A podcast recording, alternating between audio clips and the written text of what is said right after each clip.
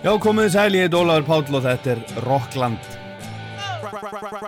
Right about now Þið auglýsið hitt og annað, hérna hitt og annað sem svo aldrei kemur. Það var bara ekki auglýst, það var auglýst kvennasöng.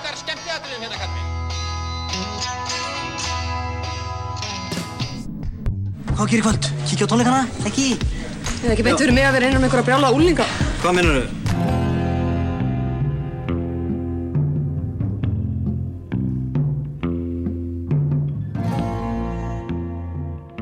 Við ætlum að koma nokkuð víða við þessum þætti í dag. Við ætlum að kíkja á úslit musiktilruna 2019 sem að fóru fram í Norðurljósum í Horpu í gær. Heyra í þeim sem lendu á velunapalli, fyrsta á öðru og þriða sæti og líka hljómsveit fólksins. Við ætlum að kynnast bandarísku tónlistakonunni Jenny Lewis en hún var að senda frá sér stórfína plötu sem heitir On The Line, heyrum af henni. Svo er það skosku bræðurnir í, í Proclaimers, þeir ætla að syngja og spila í Eldborg í Hörpu 15. apríl næstkomandi. Og við verðum með annan þeirra Proclaimers eða Rít bræðra á línunni á ettir hún Hulda Gerstóttir vinkonum í náði hann í síma í vikunni. Og svo ætlum við að heyra í hljómsveitinni Bagdad Brothers. Eh, hljómsveitin heimsótti Studio 12 núna á förstu daginn en byrjum á Proclaimers sem eru á leiðinni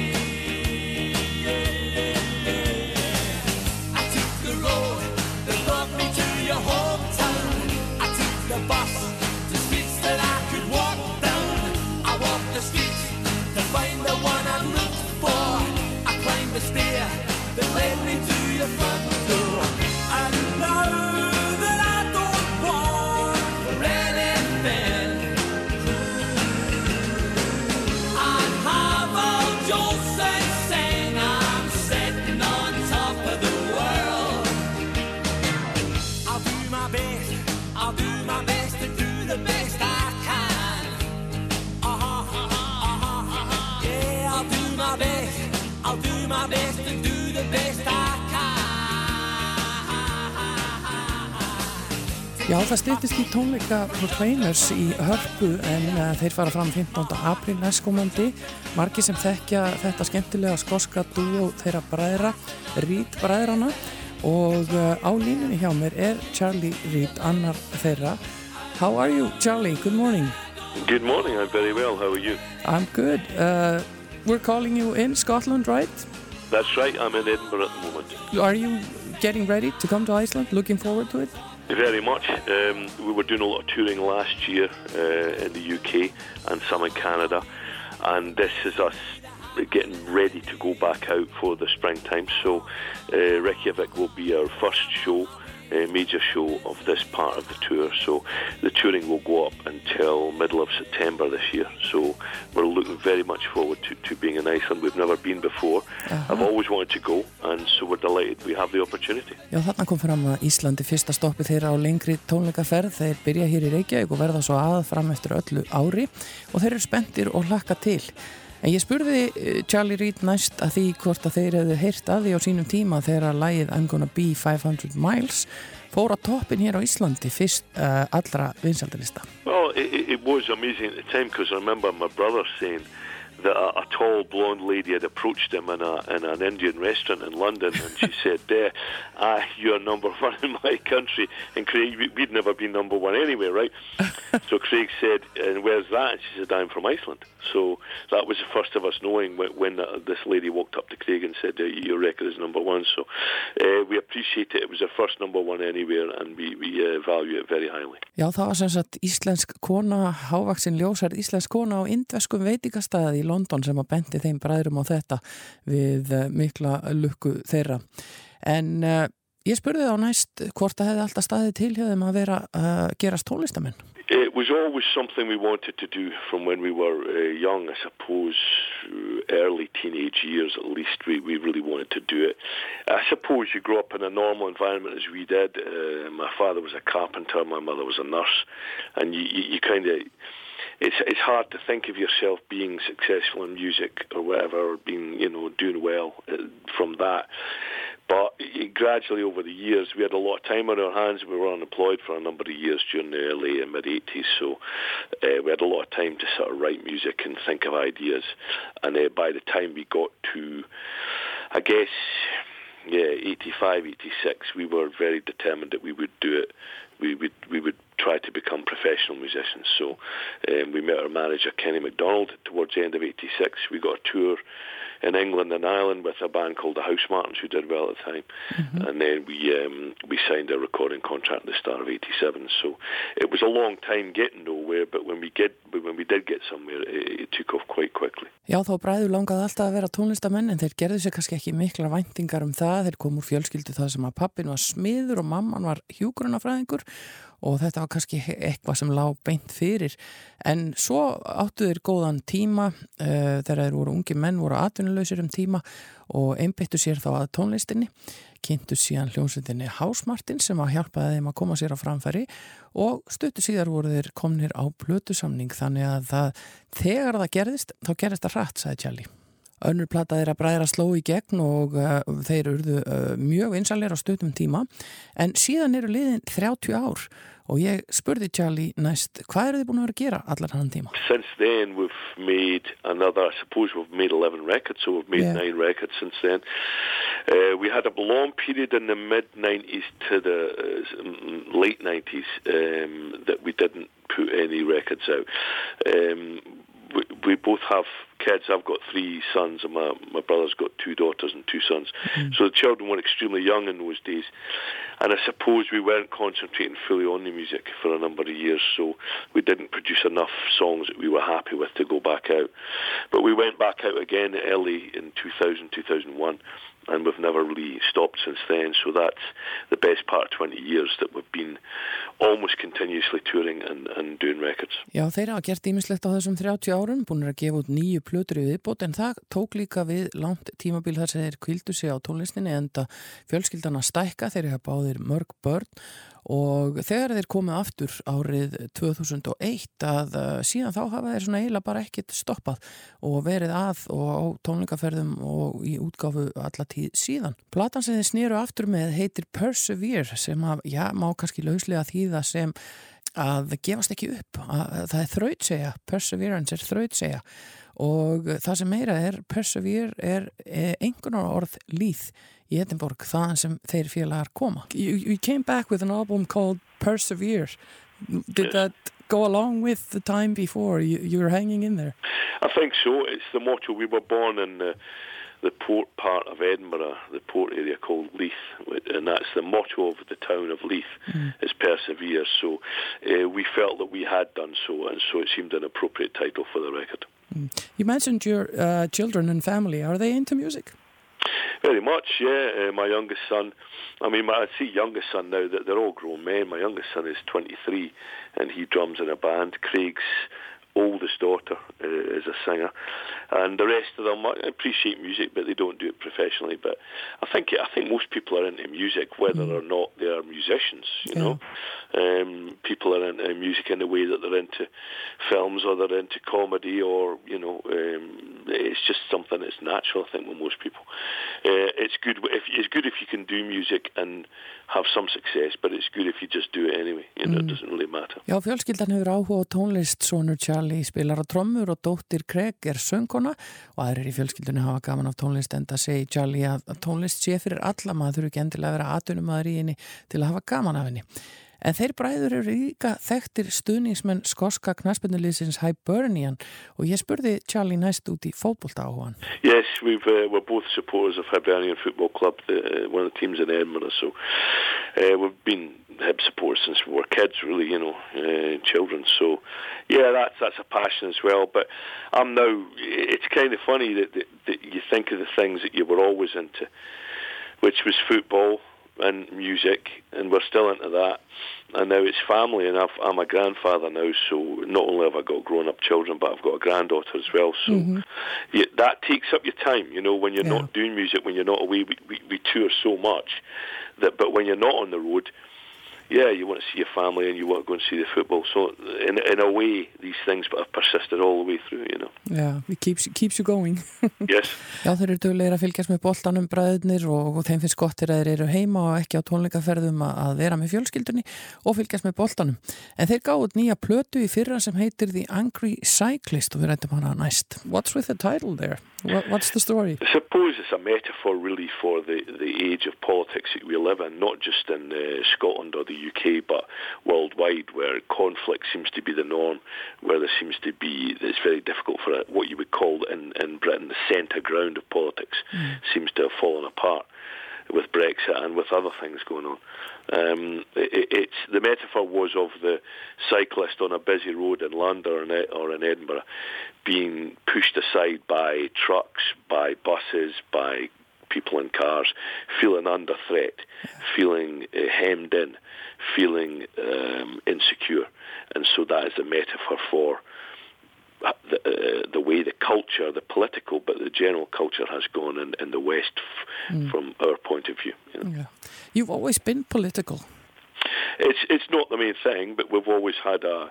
There's always been an element of that certainly, and we were always interested in, in what was going on, and, and, and still are. So um, yeah, I, th- I think there's always been a political element to what we do. I'd say the big majority of our songs are either r- about relationships, or they're you know about aging or, or views on family or you know a faith or lack of it. There's also uh, hopefully there's some comedic things as well, some um, funny sto- songs in as well.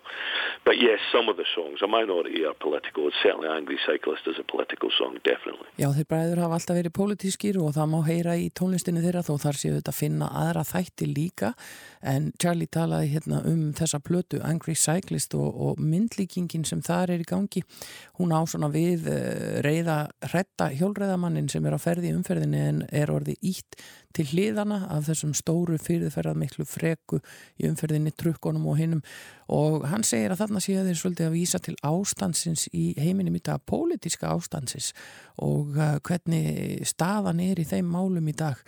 Og um, hann er ekki sátur við þetta.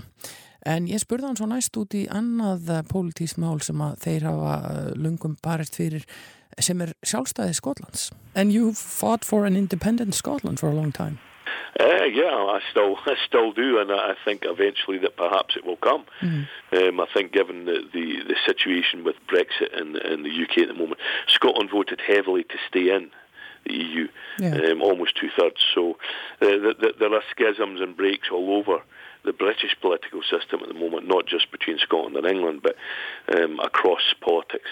A metaphor being the, the, the, the dividing line at the moment being Brexit, and that's the real uh, fault line. But who's to say what will happen in the years to come? I think Scotland will move more and more towards autonomy, and I hope one day will be autonomous in the way that Iceland is. You know. Yeah.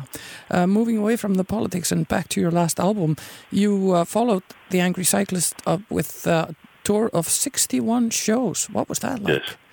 Uh, it, it was tiring. we're, we're 57 now, so it's uh, it doesn't get any easier that in that respect. It does somewhat get more difficult. Yeah. Um, but I think the shows. um, uh, I think we enjoy the, the performance now more than we ever did. We always enjoyed it, but um, I think we're more into the swing of touring now. The last the last 19 years of kind of got us. So there's a level of discipline and and coherence to it, Yeah. and hopefully that that comes across in the shows. I hope very much it will at the, the show in Reykjavik. Þeir bræður fylgdu síðustu plötu eftir með tónleikaferð, 61 tónleikar alls og uh, hann sagði þarna þeir eru svo sem orðni vanir þessu, þetta gengur vel, þeir njóta þess að vera á sviði og spila fyrir fólk, jafnvel enn betur í setni tíð en áður og uh, þessu fylgir nú orðið nokkur ægi og þetta gengur bara vel hjá þeim. En ég spurði hann í framhaldinu að því hvernig væri að vinna svona náið með bróður sínum alla tíð. Think it probably gets easier for us in- that, you know, as I say, we've we've got families, we've got kids, grandkids. We have our own lives away from each other when we're not rehearsing or or doing shows. So I think that's important that you're not together all the time. Also, when you're on the road, you're together with four other musicians, plus a tour manager, plus um, road crews. So. You know what I mean? It gets Yeah. it of, there's a choice of people to be with at the time, and I think we I think we know each other's limits, Craig and I now, Yeah. and that there's no there's there's very I'm going to say there's no conflict now, but there's very little conflict, no comparison to what there was when we were young. Yeah, you don't have to share a room anymore, I guess. We don't have to share a room, and you know we don't feel like we're living, as they say in Britain, in, in each other's pockets all the time.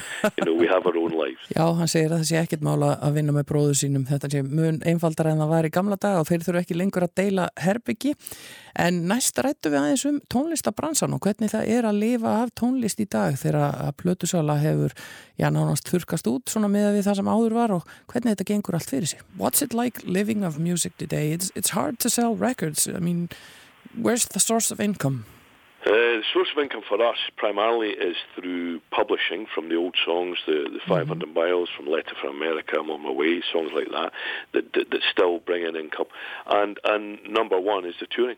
Uh, It was. It's funny when we started as the Proclaimers. We had, we were right at the tail end of what you call non-recuperable tour tour support by the record companies. They later on gave uh, recuperable tour support, but in those days it was assumed that you would be losing money on the road, and you'd be making money through record sales.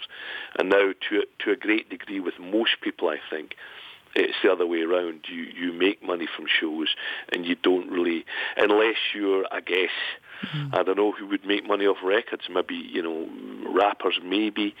Um, some of the major rock bands still probably make some living off it, but the majority of people, I'd say, it's the live shows and publishing that you make your money on. And certainly with us, that's how that's how we fund the band and how we keep everything going. Já, það eru fyrst og fremst tekjur af gömlu lögunum sem að halda þeim gangandi. Þau hafa verið notið í ymsa kvikmyndir og sjónvarp meðal annars. Plötusalan er lítil en það eru tónleikaferðirnar sem skapa tekjurnar í dag.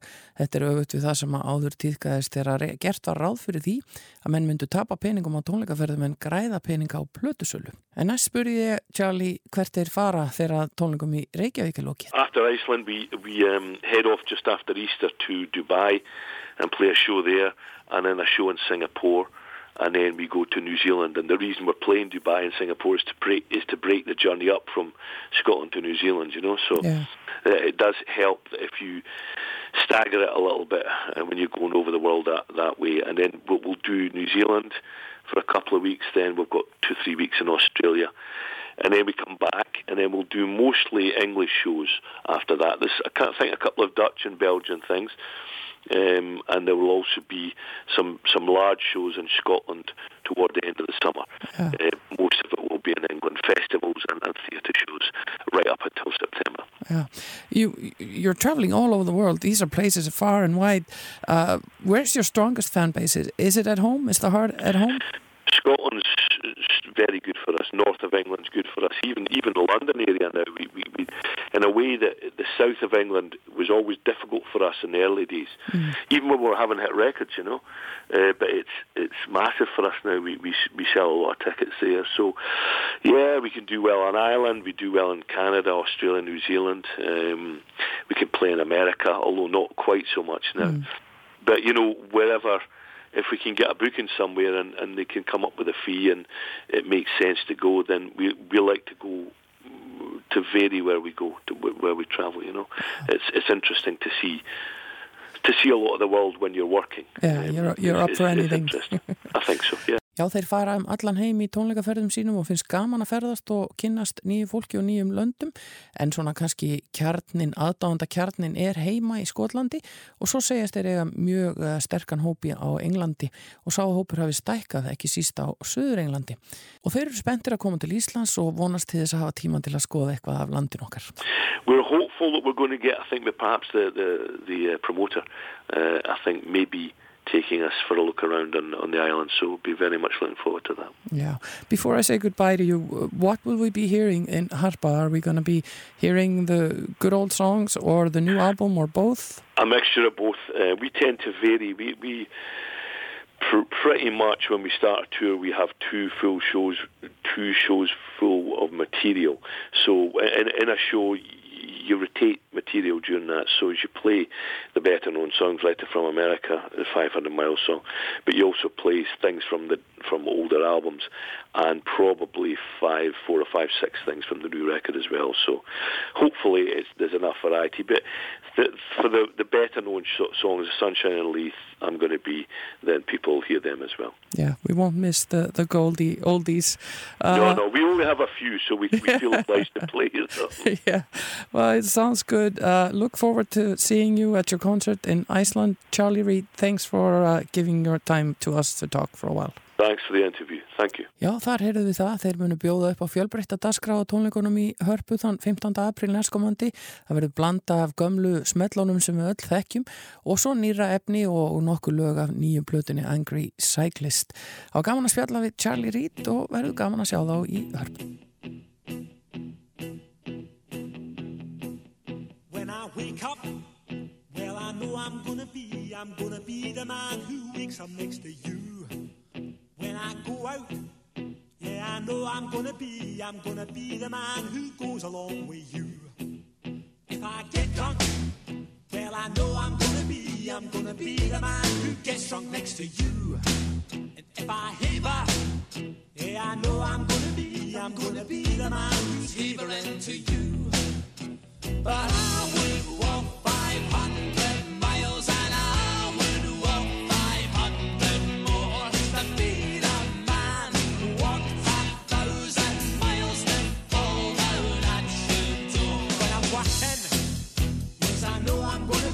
I'm gonna be the man who's working hard for you.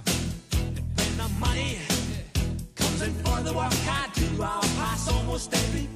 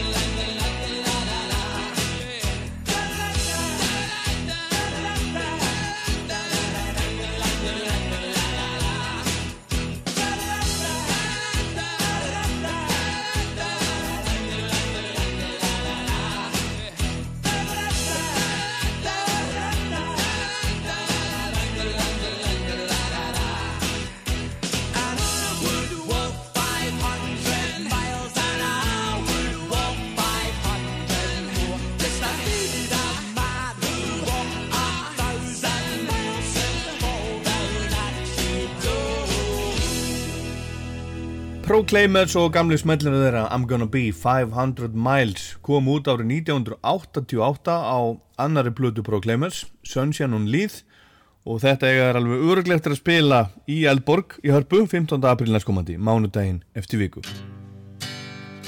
Hi, this is Jeff Tweedy from Wilco, and you're listening to Rockland on Icelandic Radio.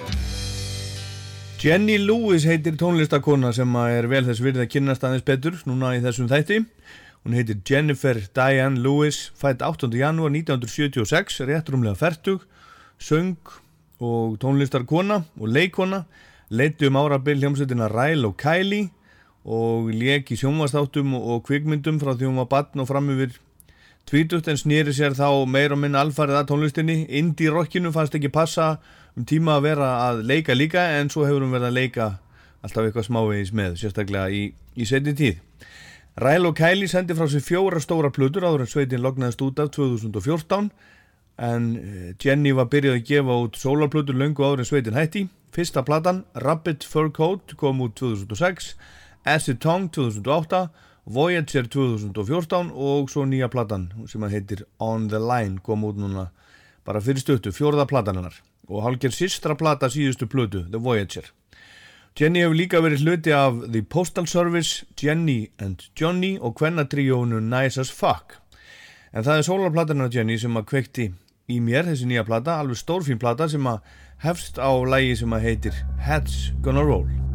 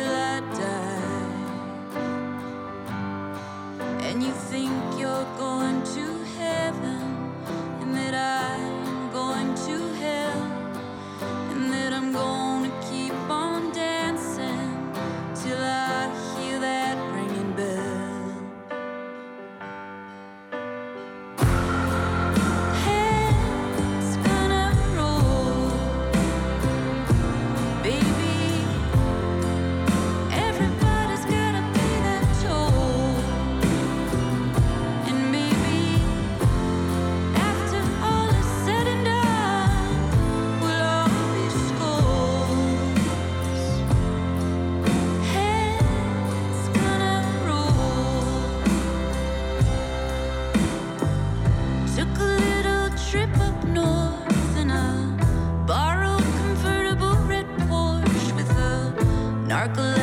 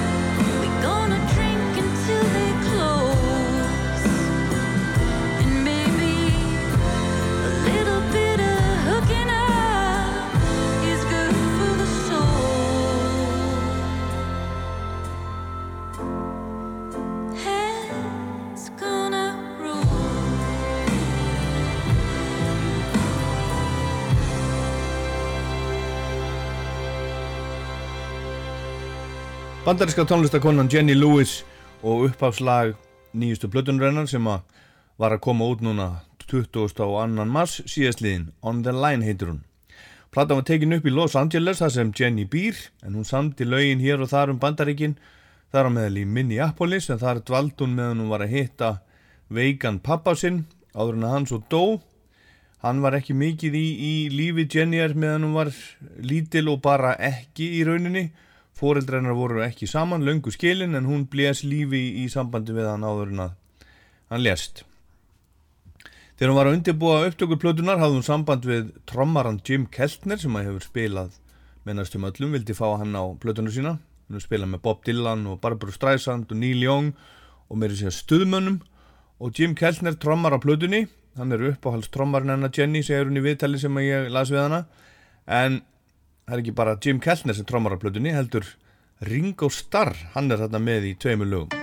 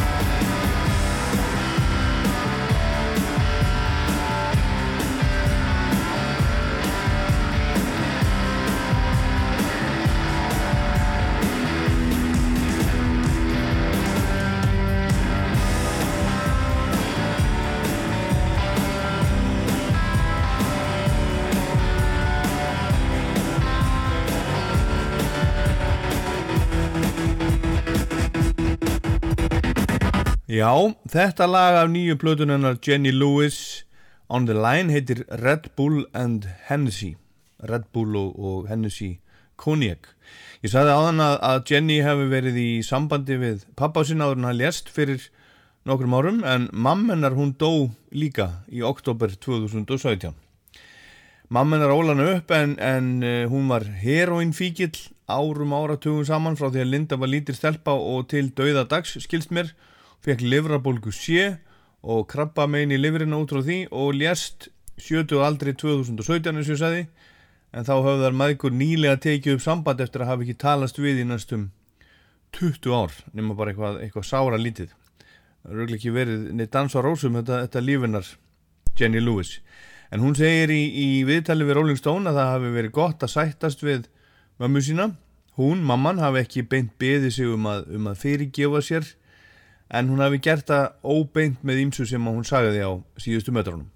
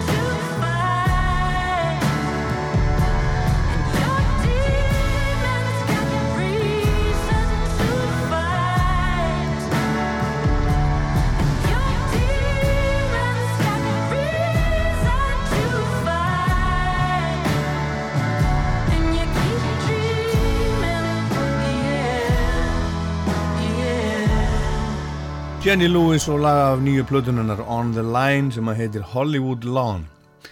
En eins og ég sagði hérna áðan, þá mist hún Jenny báða fórættra sína meðan hún var að gera þessa fínu plötu. Og hún saði líka skilið við sambilismann sinn til 12 ára skosk-ameríska tónlistamannin Jonathan Rice þannig að það hefur gengið á ímsu hjá henni. Hún vísar í allt mögulegt á plötunni hún syngur um vanabindandi hluti eins og, eins og rauðvín og gras og heroín og viski og konjak og Marlboro og Candy Crush og ímislegt fleira. Og það eru fleiri gestir á plötunni en Jim Keltner og Ringo Starr. Beck kemur við sögu Don Was, Ben Montans hljómbúsleikari Tom Petty og Heartbreakers Jason Faulkner og Ryan Adams sem er einn af upptökustjórum plötunar þetta er flott plata hjá Jenny Lewis þræl fín, hljóum að heyra eitt lag af henni til viðbútar, það heitir Do Si Do Turn up the stereo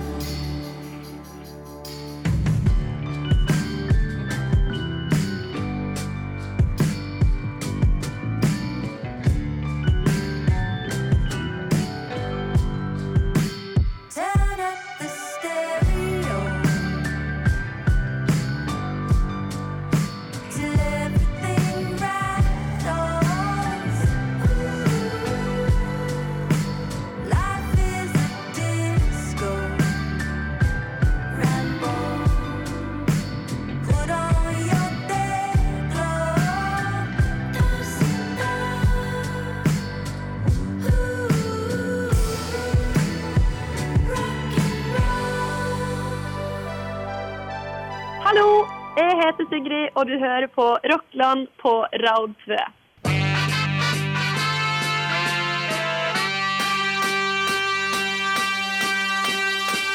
I was alone, I took a ride, I didn't know what I would find there.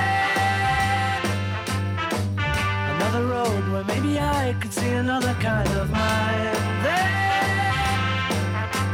ooh, and I suddenly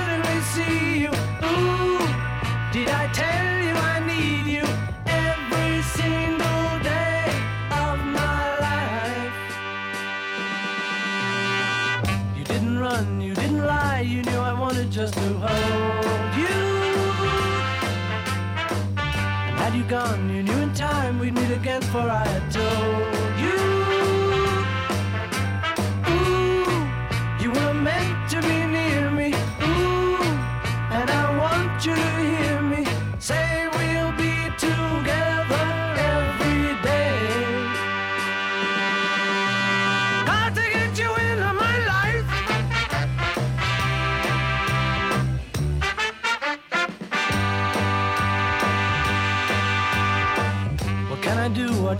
be? When I'm with you, I wanna stay there.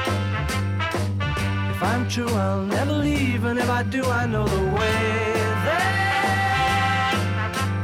Ooh, and I suddenly see you. Ooh, did I tell you I need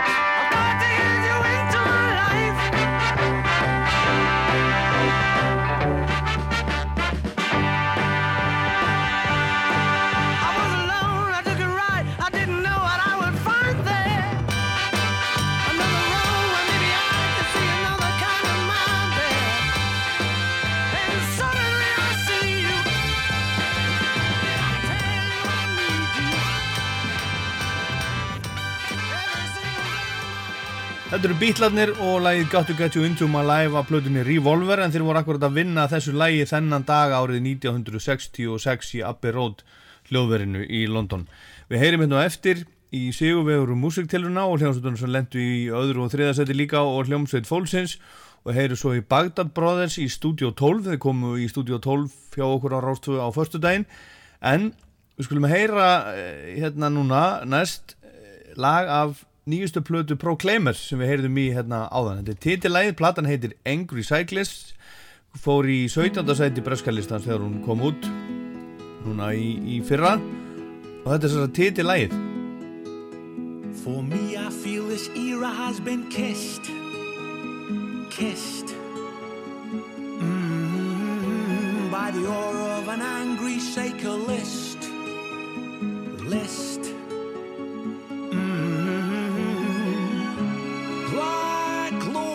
So sincere. Red anger born of fear. There's nothing half as queer as today. I take a few steps back to gain perspective. Perspective. Mm, and kid myself that I can be objective. Objective.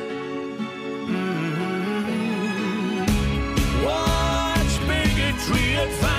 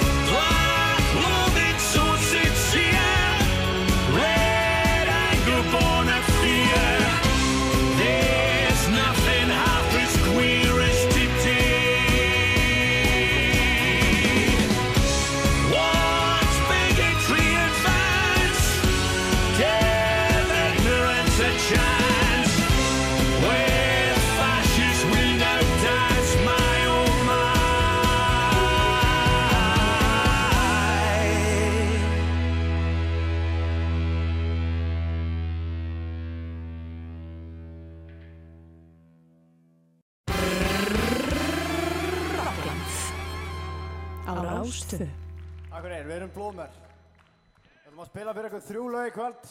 Næsta lag heitir Blekkingar og textinn í því snýst ekki um neitt.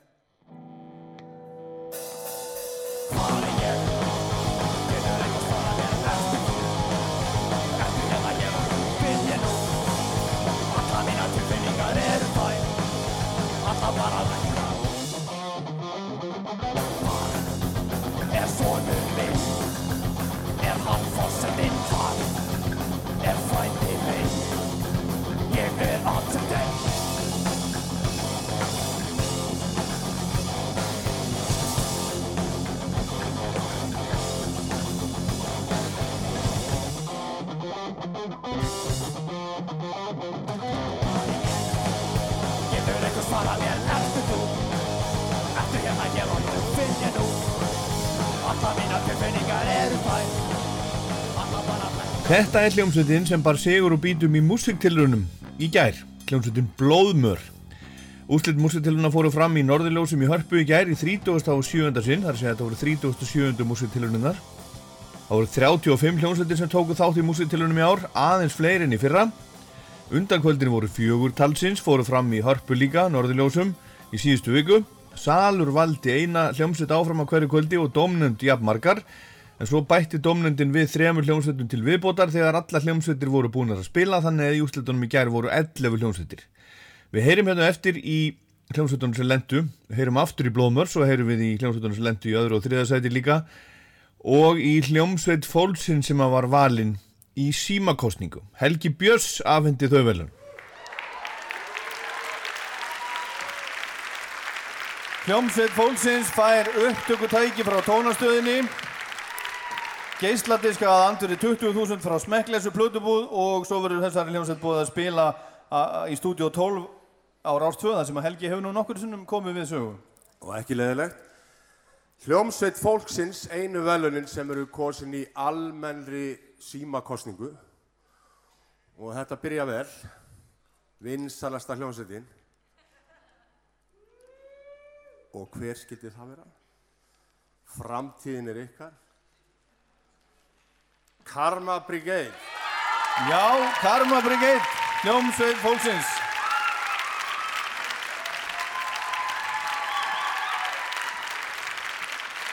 Karma Brigade, hljómsveit fólksins. Svo verða, að stilla ykkur upp með Helga, krakkar. Stilla ykkur upp með, með Helga fyrir ljósmyndaran. Karma Brigade, hljómsveit fólksins. Anna árið í röð. Gefum þeim góð klapp.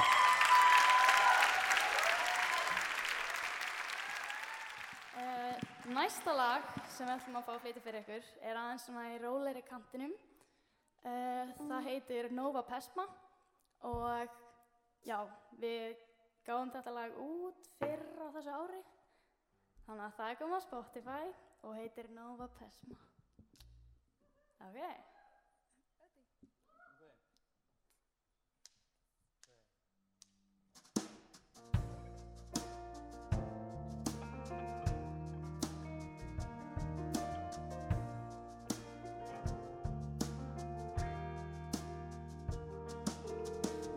Down rain runs down the lane. I could walk alone again. She's on her own.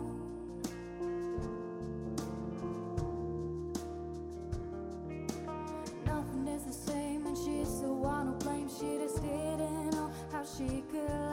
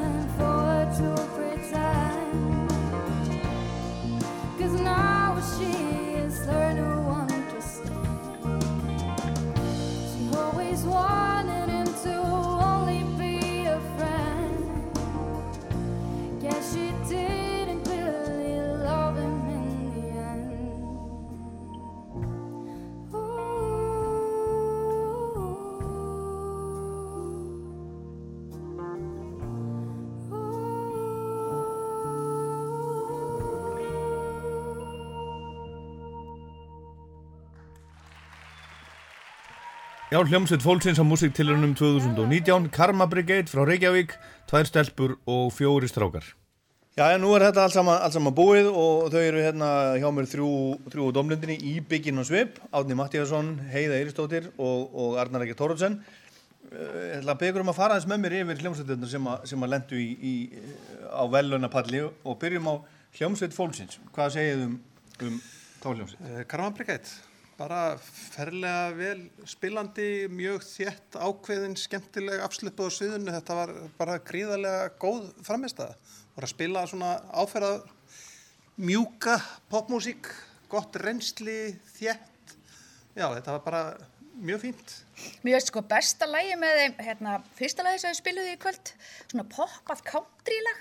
Mér veist það virkilega vel samið og einhvern veginn vel útsett, búið að dreifa þarna hljóðfærunum afskaplega vel í hljóðheiminn sko. Og mér minnir að það hafi verið önnur söngkona í fyrra og þetta mér veist þetta einhvern veginn vera bara mjög flott með þessari nýju söngkonu og þetta bara kemur vel út hjá þeim sko, ekki spurning. Ég sammála öllu því sem þau segja. Ég Sama- get, já, já, ég get engu bætt við. Ég held reyndar að þetta sé sama söngun og í fyrra, en ég er ekki alveg vissamt. Þá er hún bara orðin svona ógeðslega góð. Já, ég held Það að þetta sé bara hérna sko, það var annar gítarleikari. Það er líka sem sagt í þessu bandi þau, þau, eru, þau geta eiginlega spilað hvaða stíl sem er sko. Þau voru að skipta svolítið á milli, það líka mjög smart sko. Reggi, pop og svona og bara, það leikur allt í höndunum á þeim. sko. Að þetta reggae pop, það er tvímvöldust svona það sem ég finnst vera mest spennandi í þeirra lagasmiðum. Heyrum betur í domlendinni hérna á eftir, en það voru afhend líka einstaklingsvelun, þetta eru að fyrsta, annað og þriða sæti og hljómsveit fólksins og svo eru einstaklingsvelun. Söngvari músitiluna var valinn Anna Ingibjörg Þorgesdóttir úr hljómsveitinni Konfekt, gítarleikari músitiluna Haugur Þór Valdemarsson úr hljómsveitinni Blóðmör, bassarleikari músitiluna Tumir Hannar Pálmarsson úr Flammeus.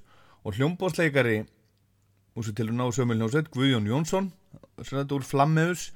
Trommuleikari músitiluna Eva Kolbrún Kolbeins úr hljómsveitinni Konfekt rafheili músitiluna Guðleg Sólei Höskulsdóttir úr hljómsveitinni Gugusar og svo var viðurkenning fyrir textagerð á íslensku og hana hlaut Ásta Kristín Pétursdóttir. Og svo var valið blúsaðasta bandi sem er svo bóðið í kjölfarið að spila á blúsáttíð Reykjavík sem er núna í páskavíkunni og það var Stefán Þormar. Þá er það þriðja sætið, þriðja sætið músiktiluna 2019 og þær koma hérna stelpunnar sem að unnu í fyrra, og Eir Ólafstætur og Fönn Fannastóttir, Ateria, stúlkur.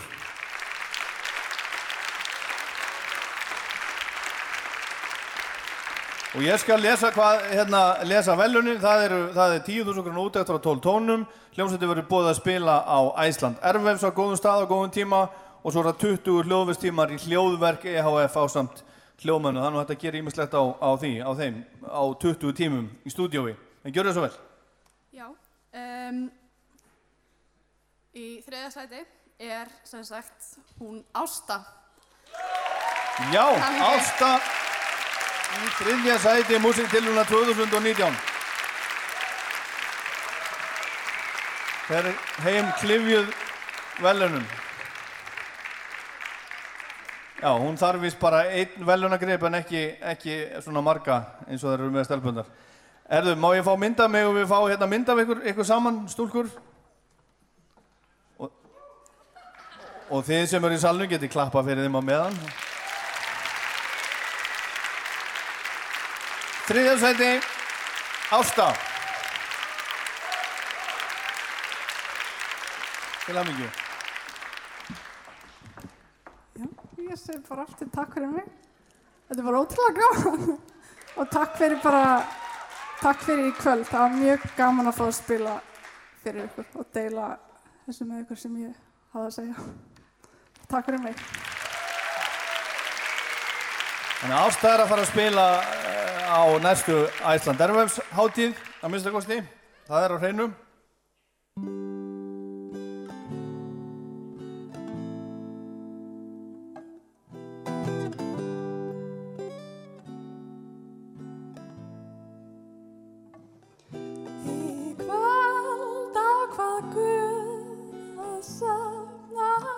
segredos.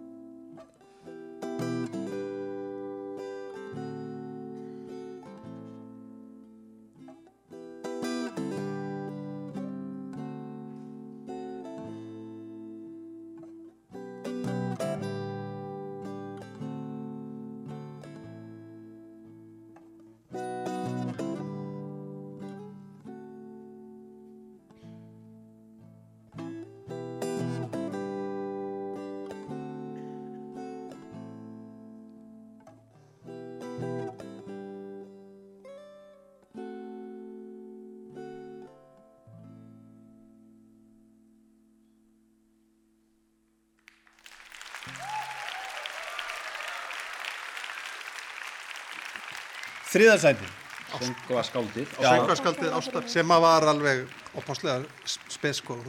Ég hef aldrei heyrt svona listamann í músítilunum með svona flæðandi texta. Laugin ofbáslega einföld svona eh, en samt alveg merkilega vel gerð. Gítarspilið í læginu með tvö það var alveg fáránlega flott spilað á gítarinn. Hún var alveg ótrúlega góð og svona og hjartnæm og svona, maður sá það sérst að í undanúslitunum og, og líka í, í kvöld. Þetta var svona listamæður sem að opnaði hjartað sko og hlifti mann inn.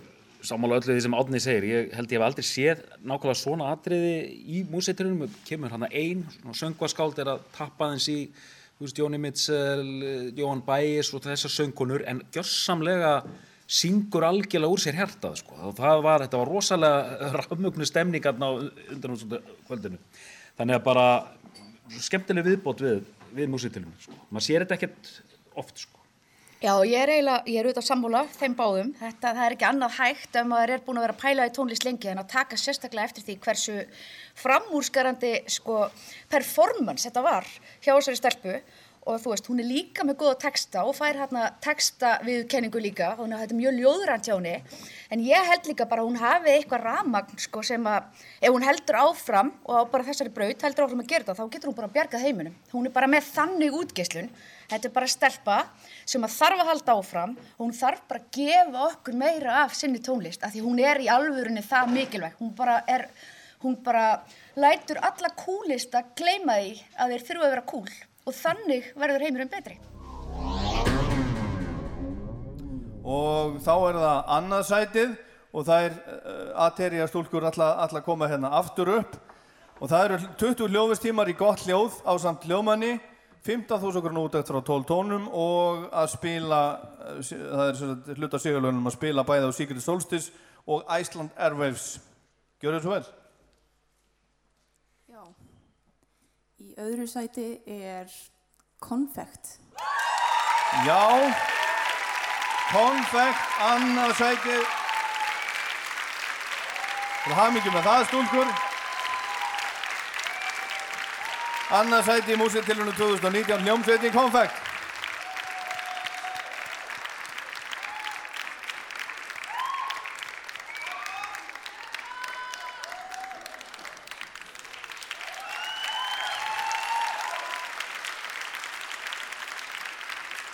gefum þið gott lapp, hljómsveitin Konfekt og svo segið þið eitthvað endilega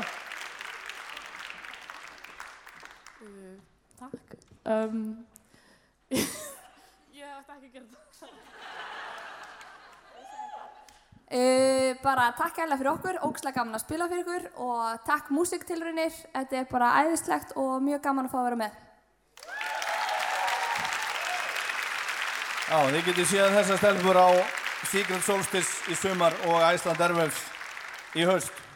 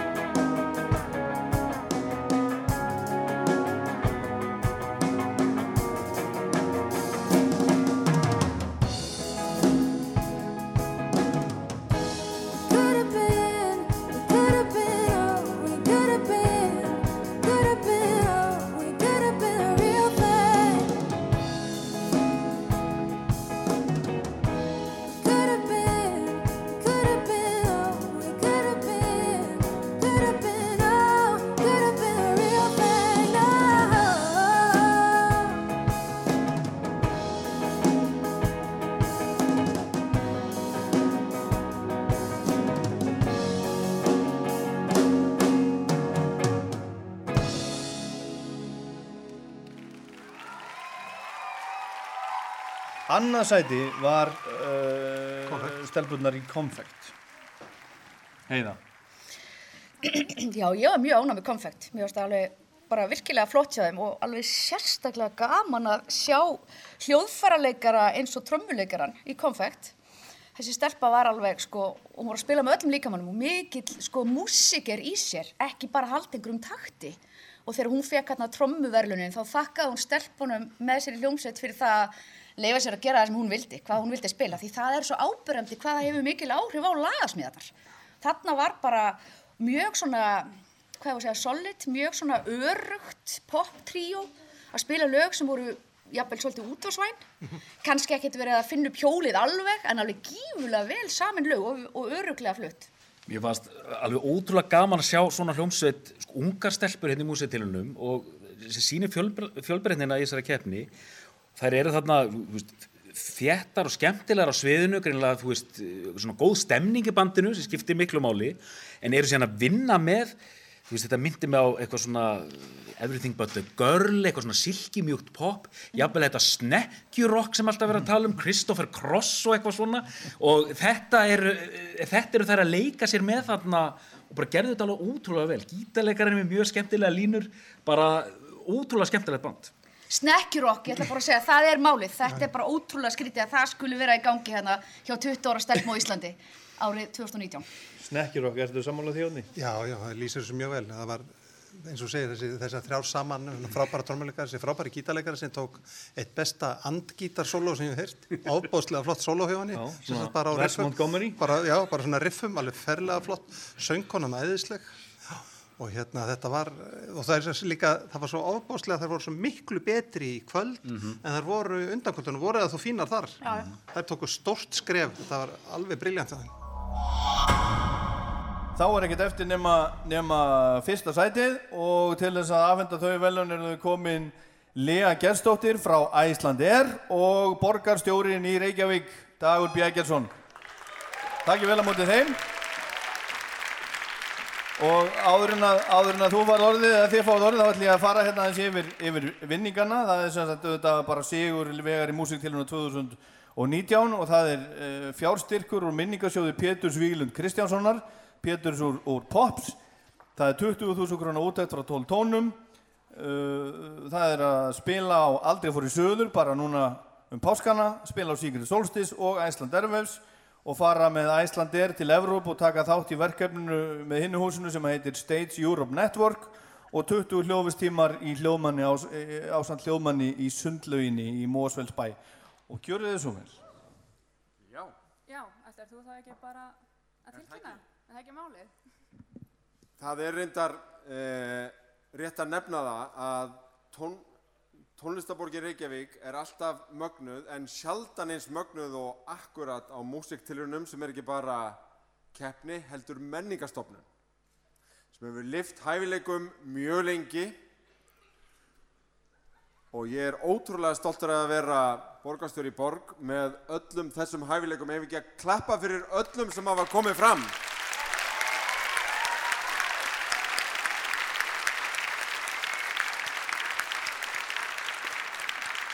Ég veit ekki hvort þið gerir ykkur grein fyrir því, það er nánast ángistar full spenna hérna í andlitum í salnum en svo eru 13.000 mann sem eru búin að vera að fylgjast með streyminu og í gegnum vikuna. Þannig að þetta er alveg magnað en það er ekki eftir neina býða nema læra trómuslættinum. Þið verðið að hjálpa. Það er sannur heiður að kynna að fyrstu velun í músiktilrunum 2019 fara til Blóðmör. Já, það er Blóðmör sem er sigurvegar í músiktiluna 2019.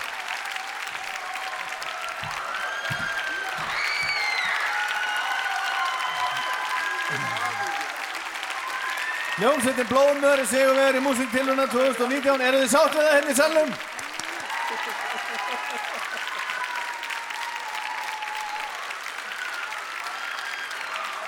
Lífið er refsing stendur aftan á bólnum hans hérna, ég verð ekki vissum að hann vilji taka sig alveg sammálað því í kvöld. Klappið fyrir þeim, hljómsveitin Blóðmör. Þetta er eitt rosalegasta íslenska hljómsveitanab sögunar, Blóðmör. Til hamingju. Þið voru skemmtilegir. Og nú megið þið segja það sem að ykkur býr í brjósti, strákar. Góða kvöldi. Engin okkur bjóst við þessu. Vá. Ok. Uh, fyrir ári síðan, þá horfði ég á músiktilunir og ég sá Ateri að vinna og mér langaði til þess að taka þátt. Þannig að ég ákvaði að endur vekja gömlu hljómsveitina sem ég var í. Og já, hérna er við núna. Vá. Guð minn almátt. Sér ekki eftir því? Já, þeir eru að fara að spila á aldrei fór í sögur, strákar, er þið klárið það? Fara á Ísafjörnum páskana og Æsland Erfem, Sigrid Solstis, út um allt og fara til útlanda að spila, fara að spila í Hollandi og það er bara heimurinn býður eftir ykkur. Takk fyrir okkur. Ljósiti Blómur, gefa þeim gott klapp. Sigur Sveit Músik til húnna 2019. Góða kvöldið Norðurljós Við erum blóðmör. Og nú mun þakkið ripna af húsinu. Fyrsta lagi okkar það heiti Líkþorn. Gjör þið svo vel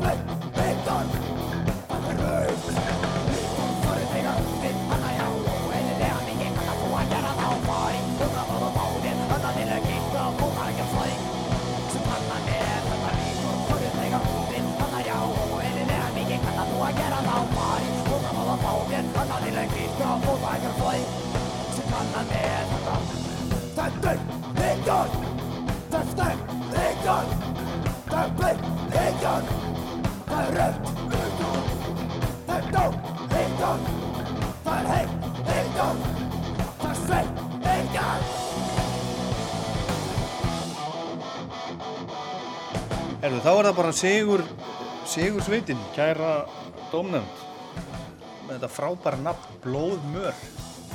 Já, frábæra músík. Já. Frábær gítarleikur, bara frábær bassaleikur. Allt sem, að- allt gekk upp, frábæri textar. Þetta var, þetta var bara eitt svona skemmtilegasta rockband sem við séð mjög, mjög langan tíma, sko. Það er eins og við vorum að tala um hérna konfekt áðan, hvað var mikill góður fílingur í bandinu og hvað er komið fram sem einn heild alveg eins með blóðmör sko. þeir, þeir líta allir eins út strákarnir. Svona rock tríó af þessum klassíska skóla. Vel æfðir, flottir allir samtaka. Og síðan músíkin, mér fannst hún alveg æðislega því að það er eitthvað, ég get ekki alveg lísti hún er mjög íslensk. Þeir eru að draga sko frá botleðju, ham þetta var svona hörkulegt rock og bara ótrúlega svalir sko. þeir alveg bara fönguðu salin Já, alveg, alveg vaðandi húmor í þessu. Sko, þeir hafa verið að hlusta á bæði íslensku rock og íslensku metal bönd og hérna ég er eiginlega á því að það sé það sem að þeir náu að gera ótrúlega vel. Þeir náu einhvern veginn að sameina element eða svona hluti sem eru ríkjandi í punki og í svona þungarokks hljómsutum. Þannig að það er þarna smá ham í svona gítarriffum, það er líka og náttúrulega í söngnum, hann kemur aðeins í svona Mhm. óttarpropp öðru koru, Mhm. en svo er líka þarna element bæði frá veist, Purki Pilnik og frá hérna og freflunum. Þannig að það er alveg í punk-dildinni. Þannig að þeir eru einhvern veginn að koma með það allt saman en bæta líka einhverju frá sér sem er náttúrulega það sem við viljum alltaf. Dómnefndin leitar ekki að einhverju koppi eða einhverju svona, þú veist, bara það sem búið er að gera nákvæmlega eins. Þeir eru alveg með þarna einhvern veginn sitt eigið element í þessu líka sem mér finnst ótrúlega fallegt. Sko. Það er okkur mikilvægt í þessum tilraunum að hérna, þetta er svo mikið la- lagakeppni. Hljónsveitir með góð lög ná langt. Já. Og hérna, þeir hafa það, þeir hafa góð lög, þeir voru með smart, eh, fyndnar lausnir á alls konar hlutum og kaplaskipti Mhm. og þeir voru einlægir, en semst tvent sem að kemur fólki áfram, það er semst góð lög og einlægni. Og þú ert einlægur og gladur og afslappar á sviðin að gefa af þér, þá gengur allt upp. Og með góð lög og, Og þarna var, og þarna var það bara alveg Já, tvent í gangi algjörlega, og þeir algjörlega. voru í raun og veru sko, þeir voru rosalega vel að þessu komnir bara upp á það hvað þeir voru öryggir Já. það snýst bara um það, gleyma sér á sviði við erum ekkert að pæla einan um að bara gera dótið sitt vel bara, þú veist, hljónstum blóðmör með lægi líkþorn og meðlemið úr Hafnarfjörð og Kópavogi sko. það var bara, það gæti ekki farið öðruvísi sko. Hér eru tveir af þremur sigurvegurinn til hamingju. Takk fyrir. Hljómsveitin Blóðmör, þetta er, þetta er eitt flottasta og íslenskasta hljómsveitana söguna bara held ég. Já, algjörlega. Og mamma þín, hún stakk upp á þessu? Já, hún stakk upp á þessu. Hvenær var það? Það hefði sennilega verið eitthvað með lok sumars 2016. Já, já. Þannig að þetta var hljómsveit sem var starfandi og var hægt. Nei, hún var í rauninni ekki orðin til, sko. Þetta nafn má segja ha, það hafi verið í rauninni ástæðan fyrir að ég stopnaði þessa hljómsveit. Eða, þú veist, ákvaða að fá hann og einn annan með mér í hljómsveitina. Já. Sem hætti sá trommari, sko. Já, já. Og hérna... og Núna er hans í núna er- handabökin. Já, núna er sem að, já, við byrjum rauninni ekkert að gera neitt fyrir í apríl 2018. Já, já. En þið hafið ekki stopnað hljómsveitina, jú þú sagði það, þið stopnuðu hljómsveitina til þess að taka þá, þátt í músitilunum. Í rauninni þá sá ég uh, músitilunir í fyrra og ég, mér langaði bara að prófa hvort Já. að ég gæti gert eitthvað svona og á þeim tíma var ég í hljómsveit sem að var ekki að gera neitt frumsamið í rauninni. Já, já. Og mér langaði til þess að bara þetta var hljómsveit sem að, var, þú veist, já, sem ég hafi verið í, bara langaði henni upp aftur. Já, já. En hvernig hérna, líður ykkur núna? Mér líður bara mjög vel. Herðu og býtu, er þetta, er þetta hljómsveitamerki? Já, hérna við, við, í- við, við vinnur okkur í mólunum hérna, leið okkur að hérna, nota nælu hérna, græðuna þeirra og við Já, erum búin að dreifa þessu um MH. Já, Og er það? Þannig að þið er fannkljóp og þetta er bara Í á. SS. Já. Mhm. Við erum ekki búin að fá leiði fyrir þessu en Já, en ætlumst- við fáum ekkert borga fyrir þetta þannig að við Nei. bara gefum þetta sko. Já. Herðu, og hvað hérna, hvað svo? Það er plata. Eða það? Já, bara strax, eftir Strax? bara nokkra vikur. Það er EP-plata sem mun heita Líkþorn. Sem að þið eru... Við erum búinir að taka henni upp. Þið eru búnir að Það á taka bara hana upp? eftir að master hana. Það er búið að mixa hana. Búið að mixa hana. Já, já. Hún Og ein- kemur út í gegnum Reykjavík Record Shop bara á næstu viku. Já, er það? Já. Og eigið þið, hérna fleiri löga því að nú er þið náttúrulega, nú náttúrulega fáið þið stúdíótíma í sundlauginni. Já. Til vinning. Þetta er bara... Flottasta stúdíó landsins. Já. Eða eitt af þeim, all, e- eitt af þeim. Þetta er bara ótrúlegt sko. Já, við þurfum bara að byrja að samja núna. Við eigum eitthvað af efni sem að er, þú veist, ekki orðið tilbúið og svona. Já. En hvað með svona, svona fyrirmyndið? Það var, það var einhver sem að sagði mér að þið væruð, væruð miklir hamaðdáðundur. Já, ég elska ham út af lífinu. Já, sumulegðis hjá mér. Við er erum, við, við eigum það sammeilagt að okkur finnst ham vera besta hljómsveit í heimi. Besta hljómsveit í heimi. Er ham besta er besta hljómsveit í heimi. Og ham lengi lifi. Ham lengi lifi, sko. Já. Við erum ham og þið eru ham. Já, við erum eiginlega svona að reyna við erum ekki ómikið eins og ham í rauninni. Til Já. þess að, já, þess að séum ekki bara herm eftir. Já, en hérna, e, já, en ætli það sé ekki, hérna, þeir, þeir hljótað, hérna, bjóðu ykkur að spila með sér. Já, ég vona það sko. Fyrsta tækifæri. Já, þeir bara, ef, ef þeir eru að hlusta á þetta ham, þá bara endilega bjóða ykkur að spila með okkur. Við erum alltaf til það. Ljómandi, til að hafa ekki með þetta strákar. Takk fyrir. Takk hérlega fyrir. Takk fyrir okkur! Þetta lag er síðasta lagi okkar í kvöld. Það heitir Barnaníðingur, gjör það svo vel. Er ekki búið að vera gaman í kvöld? Hann er barnaníðingur. Þetta er svo búið í kvöld. Hann er eftir þetta gætið sig. Bringaðu bara þinn. Hann fremir på den tid. Hurra för svej. Så driver vi med hans. Det barnaníðar ekki dans.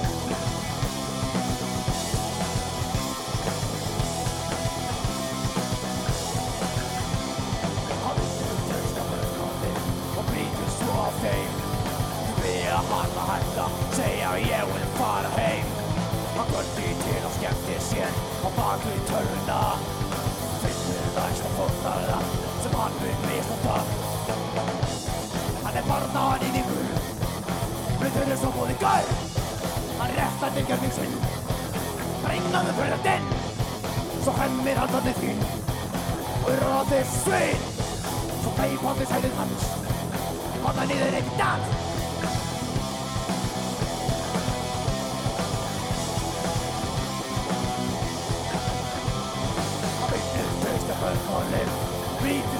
Brýtur svo á þeim Þau byrja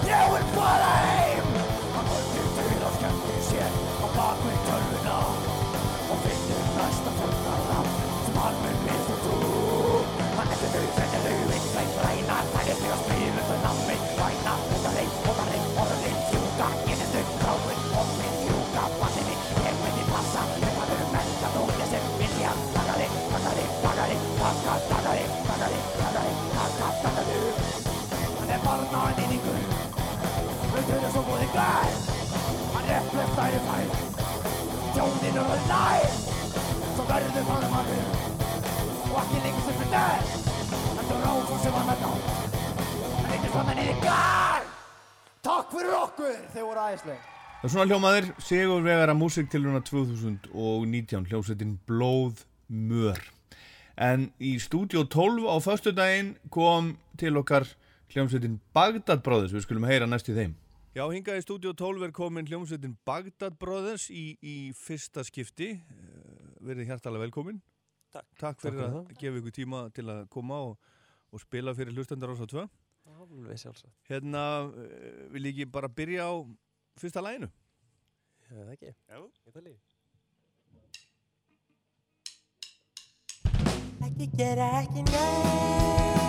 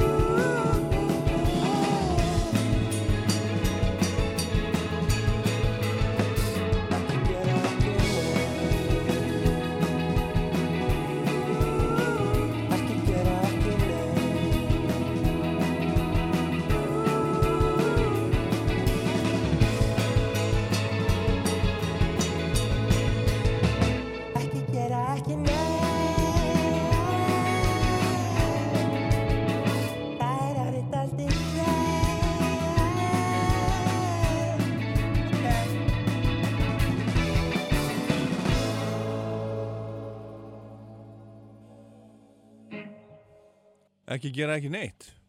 Já, hvernig var þetta? Þetta var bara mjög, mjög gott, en, en hérna er, er eitthvað svona sérstætt ekki neitt sem, að, sem að þið eru að fjalla um hann? Er þetta, er þetta úr hérna, er þetta ekki eitthvað svona, um, hvað, hérna, svona einhver lög eða innheimdu fyrirtæki Já, sem að, ekki bara alveg láta það vera. auglýsir, eitthvað svona, ekki gera ekki neitt. Ég held að það sé þægilegt sko, þetta getur, getur átt við ímislegt sko. Já. Þetta Hérna, hendar alls konar. Vilja hafa þetta bara svona, svona opið? Opið til túlkunar. Já. Já, skilja það eftir henni. Já. Herðu, Bagdad Brothers, hérna, uh, þegar maður sér myndir af Bagdad Brothers á netinu þá eru það þið tveir hérna, eru, eru þið Bagdad Brothers eða eða er þetta fimmanna hljónsveit? Ú, við erum að fara í svona, fara í gegnum svolítið svona ferli, sko. Já, já, það er hérna, uh, já, smá, smá breyta til núna. Þetta var, sérst, frá upphæði var, var hugmyndin að þetta væri dúó, sérst, ég og Sigurpöll, en núna, núna nýla var tekin ákvörðunum að það er breyting þar á, þannig að við erum, jú, fimmannar hljómsveit. Fimmanna hljónsveit. Og tilkynnist það bara hér með, Já, held ég. frábært, þetta eru, breaking news. En, en viltu þá hérna kynna hljónsveitina? Segja okkur hvaða hæfi. fólk þetta, þetta er hérna sem að, Já, ég heiti Bjarni, þetta er Sigurpáll og þetta er Þóra, Ægir og Steinun. já. En, en hérna, sko, hvað tengdi ykkur saman? Af hverju eru þið saman í þessari, þessari hljónsveit? Það var það lungsaga, sko. Já. Hitt og, hitt og þetta. Eh, Ég, ég og Sigurpáll vorum saman í grunnskóla og vorum þar saman í hljómsveit sem heit Vára. Já. Uh, sem að, sem að svona, uh, gaf böndinu þarna eitthvað staðar á leiðinni. og- Vára? Já. Við spilum nögt um hann hérna.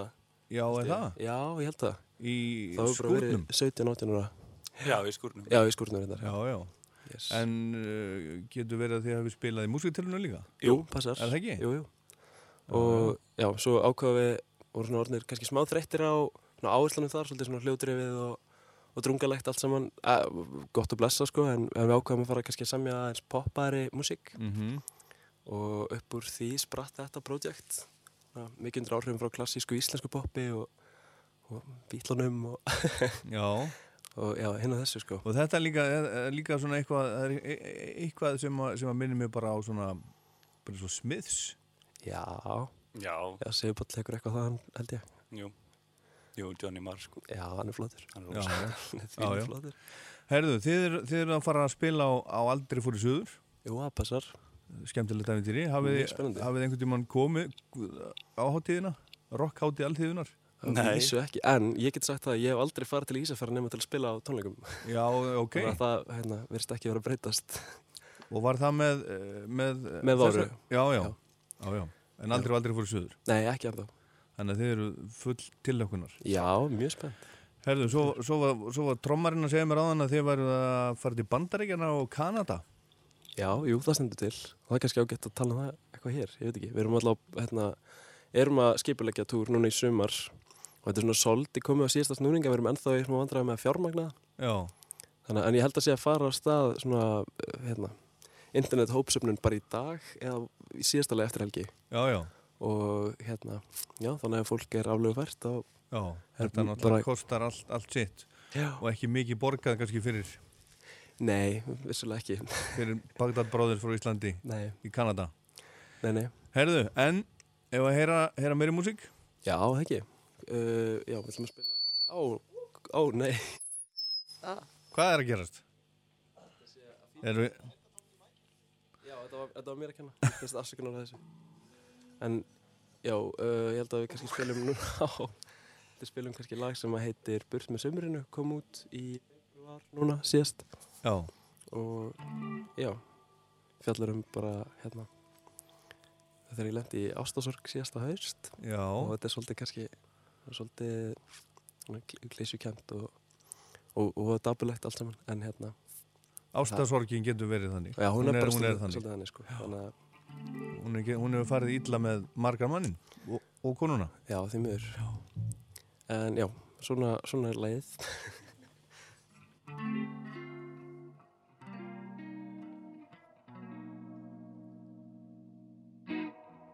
Ég þurft að klæða mig í þangað í morgun því það var svo kall Haustið er grimmast allra ástíða Það drefur blómin og gerir allt svar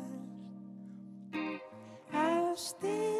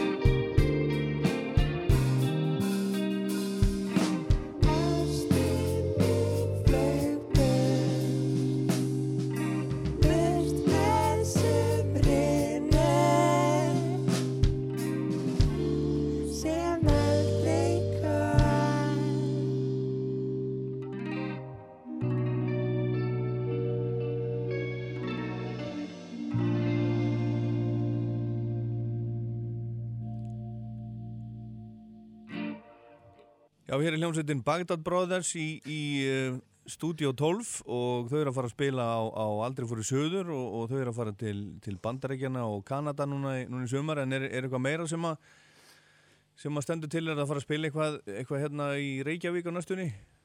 Eða, eða á öðrum stöðum á landinu? Já, herru, jú, við erum hérna með fjárlun tónleika í R6013 við Ingolstræti núna 17. rétt árunum fyrir 17. apríl. árunum fyrir vestur. Já Uh, já, þannig að það verður í R6013 og svo sko, vorum við að landa því núna í vikunni að við erum að fara beint eftir það við að þramma allir saman uh, sem að verða á tónleikunum sko, yfir á Húrra. Já. og þar verðum við með DJ-set Já, já. Fimm, fimm manns. Já, já. En, en hérna segja mér aðeins, aðeins frá þessum stað R6013 þetta er, þetta er hérna þetta er, er, er, er svona tónleika venju í Reykjavík Jú. einstaklingsreikið í kjallara. Einmitt, það, það er einmitt hann ægir sem að sérum það að væri kannski best að hann myndi segja frá þér, hann er nú ekki með hljóðunum hann er ekki með neitt, neitt e, hljóðnuma því þú getur nú örglega sagt frá því líka.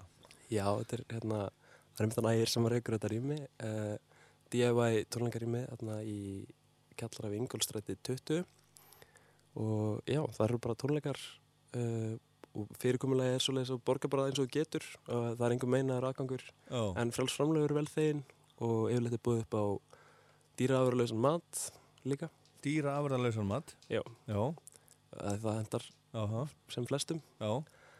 og hérna já, ég veit ekki hvað meira ég get sagt. Bara frábært þrjóndag sem hefur haft mjög góð áhrif á græsóttasennuna og, er, og er, þetta, er þetta vel sótt? Og er þetta svona, þú veist, vita margir að þessu Já, allavega í græsóttinni er þetta einn ein virtasti tónleikastæðurinn, ég held að það sé engin spurning sko. Já, og er, eh, þú veist, virkileg svona grasrót, einhver svona, e- eitthvað underground í Reykjavík, ég menn, er ekki allt kom, komið í Gísla Martin um leið og...